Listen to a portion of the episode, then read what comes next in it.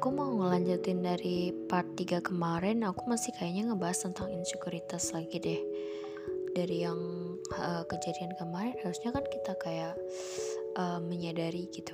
Kita kan masih muda uh, kita perlu terima akan hal-hal demikian gitu. Gagal berhasil itu soal biasa dalam kehidupan dan kita lagi berproses sekarang.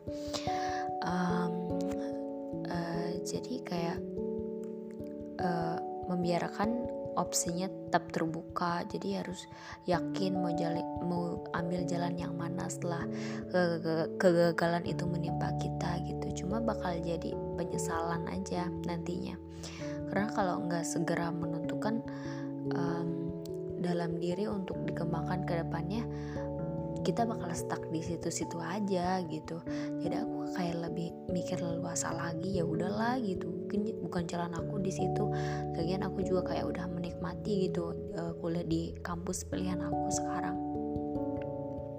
Hal yang demikian kegagalan yang demikian itu wajar dialami kita udah kayak mikir uh, dewa, dewasa lagi dari kejadian itu.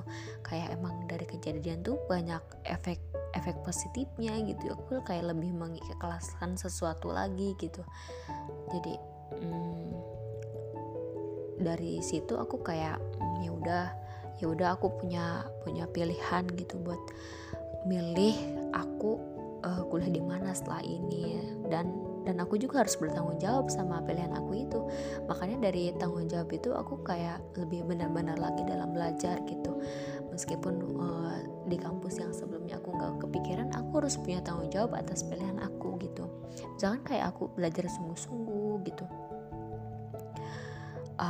Nggak um, masalah seberapa lambat kita dalam mencapai suatu hal yang penting kita berjalan terus pelan-pelan meskipun aku nggak punya kesempatan buat di kampus favorit aku mungkin aku um, bisa mengapresiasikan diri aku di kampus sekarang gitu kampus yang aku tekuni. Karena aku punya tanggung jawab di situ sebagai mahasiswa. Um, kalaupun aku hari ini harus mulai gitu dari awal gitu um, gak masalah aku harus mencapainya.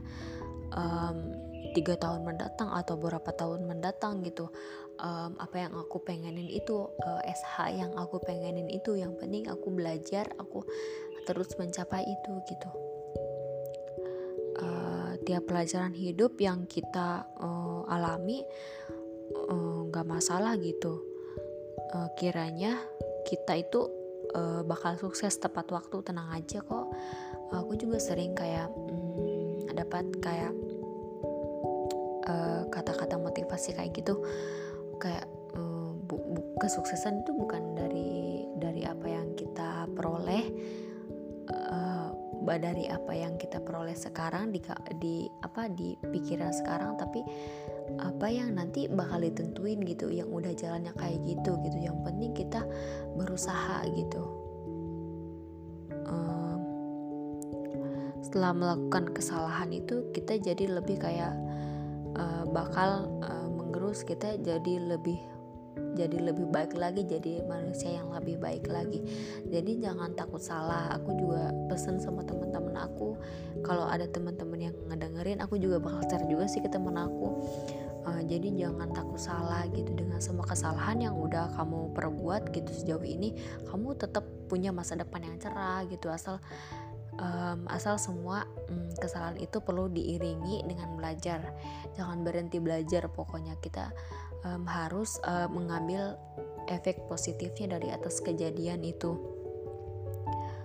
Um, podcast ini aku buat dari ini aku sendiri jadi aku kayak gimana ya uh, masih terbata-bata gitu dalam ngomong. Um, uh, per, perlahan aja nggak apa-apa perlahan tapi pasti gitu. Kita bakal kayak nemuin uh, pola-polanya kayak gitu. Ternyata ini harus aku lakuin ke depannya gitu. Itu sih yang membuat aku jadi sampai sekarang gitu. Ya udah yang aku lakuin uh, ngerasa enak aja gitu ngerasa jauh lebih baik lagi daripada uh, aku nggak gitu apa apa aku kayak mikir-mikir hal dulu-dulu lagi uh, mungkin beberapa di antara uh, teman aku juga sih yang lulus yang apa yang nggak keterima juga yang nggak lulus juga di PTN um, sejauh ini aku ngerasa kayak uh, privilege itu sih uh, masih ada gitu di diri aku gitu. Um, buktinya sampai sekarang aku masih merasa happy ngerasa ngerasa uh, ngejalanin hari-hari aku aja gitu kayak biasa gitu. Meskipun aku sempat kayak ngerasa bukan siapa-siapa kemarin tapi dari situ aku mulai belajar lagi belajar ikhlas lagi dari semua hal-hal kejadian yang aku alami gitu. Um, uh, dari mereka yang punya yang lolos PTN itu mereka juga sama kayak teman aku yang aku ceritain di uh, podcast sebelumnya kayak mereka juga sama mau kapan kekurangan kekurangan mereka kekurangan kekurangan teman aku gitu. Um, kata kata kata dia gitu. Meskipun katanya kamu um, uh, ditolak PTN bukan berarti aku juga nggak punya kekurangan. Aku juga sama kok punya kekurangan katanya. Aku sempet ngerasa kayak bingung gitu. Soalnya uh, pas awal itu uh, dia tuh benar-benar kayak cuma apa ya masuk uh, masuk dari sistem uh, apa dari komunikasi itu uh, sebelumnya juga nggak pengen juga gitu. Mungkin karena cuma iseng terus aku kursus juga buat masuk PTN ya udahlah akhirnya masuk terus sama-sama pas mata kuliah awal dia juga nggak ngerti sama sama mata kuliah itu uh, namanya juga proses aku juga sama kok nggak ngerti kayak hukum itu apa. Dulu juga aku belajar PKN paling males banget belajar PKN tapi setelah setelah setelah saat ini aku kayak lebih suka hal-hal yang apa ya hal-hal yang masuk di akal gitu. Kayak kan ilmu hukum tuh masuk akal gitu. Jadi aku senang aja gitu dengan hal-hal yang dosen uh, bilang ini apa ini apa? Aku kayak langsung kalau yang ada di pikiran aku aku langsung ungkapin gitu dengan dengan uh, kekurangan pendapat aku gitu. Uh, dia juga kayak uh, apa ya nggak sebetulnya nggak dituntut juga sih nggak harus uh, tut, gak tuntutan juga. Dia bilang kayak uh, aku uh, kemampuan aku mungkin kemarin kan aku bisa lulus PTN mungkin lagi lagi keberuntungan kata dia gitu tapi pada saat apa aku mempraktekkan aku masuk jurusan itu pertama-tama aku juga kayak uh, kayaknya aku salah jurusan deh. Kayaknya sempet mikir gitu kata dia gitu. Aku juga kan sama. Aku juga ngerti uh, ilmu hukum tuh kayak gimana uh, mata kuliahnya itu apa aja mencakup apa aja kan nggak tahu. Namanya juga kita berproses kan. Um, dari pengalaman aku dan teman aku tadi yang teman aku tuh lolos uh, dan aku nggak lolos uh, uh, bisa menjadi pengertian gitu bahwa uh, hak istimewa itu atau privilege itu luas gitu. Jadi nggak harus kita keterima atau masuk di bidang yang kita mau aja gitu. Itu juga punya hak istimewa di universitas yang kita tempuh sekarang. Misalkan kayak aku kemarin um, uh, aku kan uh, emang sebetulnya anaknya tuh kayak uh, apa ya suka kalau dosen ngejelasin tuh aku kayak suka nulis kayak gini gini gini gini. Jadi sesaat ada teman aku yang nanya di grup ini gimana? Ini gimana? Aku uh, selalu ngejawab gitu selalu ngerti gitu dengan apa yang udah dosen maksud gitu dengan apa tulisan aku tadi kebetulan ada aku sharekan ke mereka. Mereka jadi kayak nganggapnya aku itu anak rajin.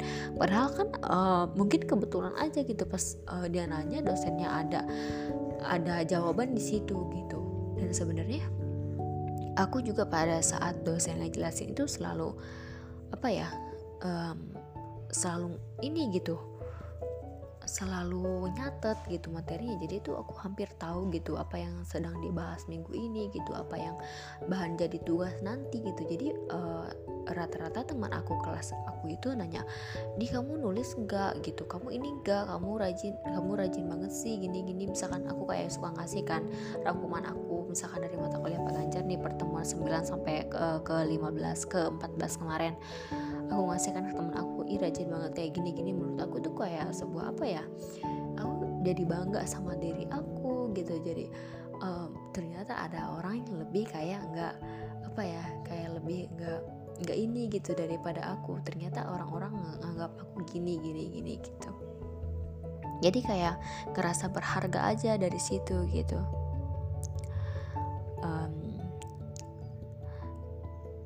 da, jadi hal yang pertama harus kita tanamkan dalam diri kita masing-masing itu kita nggak kita nggak boleh kita nggak boleh insecure insecure gitu. Kita nggak boleh uh, apa uh, kita harus uh, insecure gitu. Karena kita punya um, self esteem kita yang harus kita hargai dari diri kita gitu. Kita harus uh, bisa menghargai kelebihan kita dan kita harus bisa menerima kekurangan kita gitu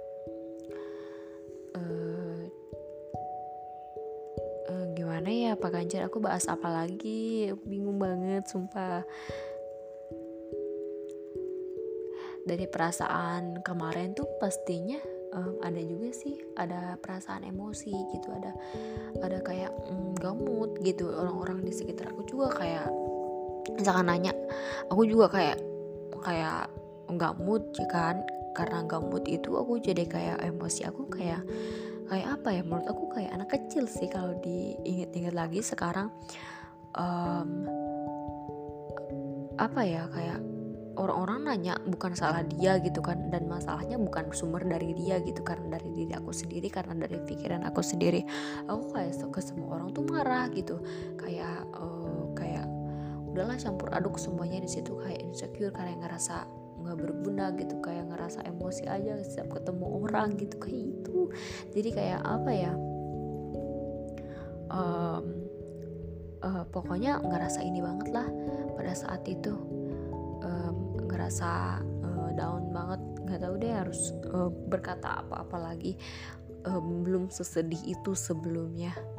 Jadi kayak campur aduk aja sebenarnya perasaannya um, jadi uh, kita harus berdamai sama diri sendiri berdamai sama kekurangan kita gitu.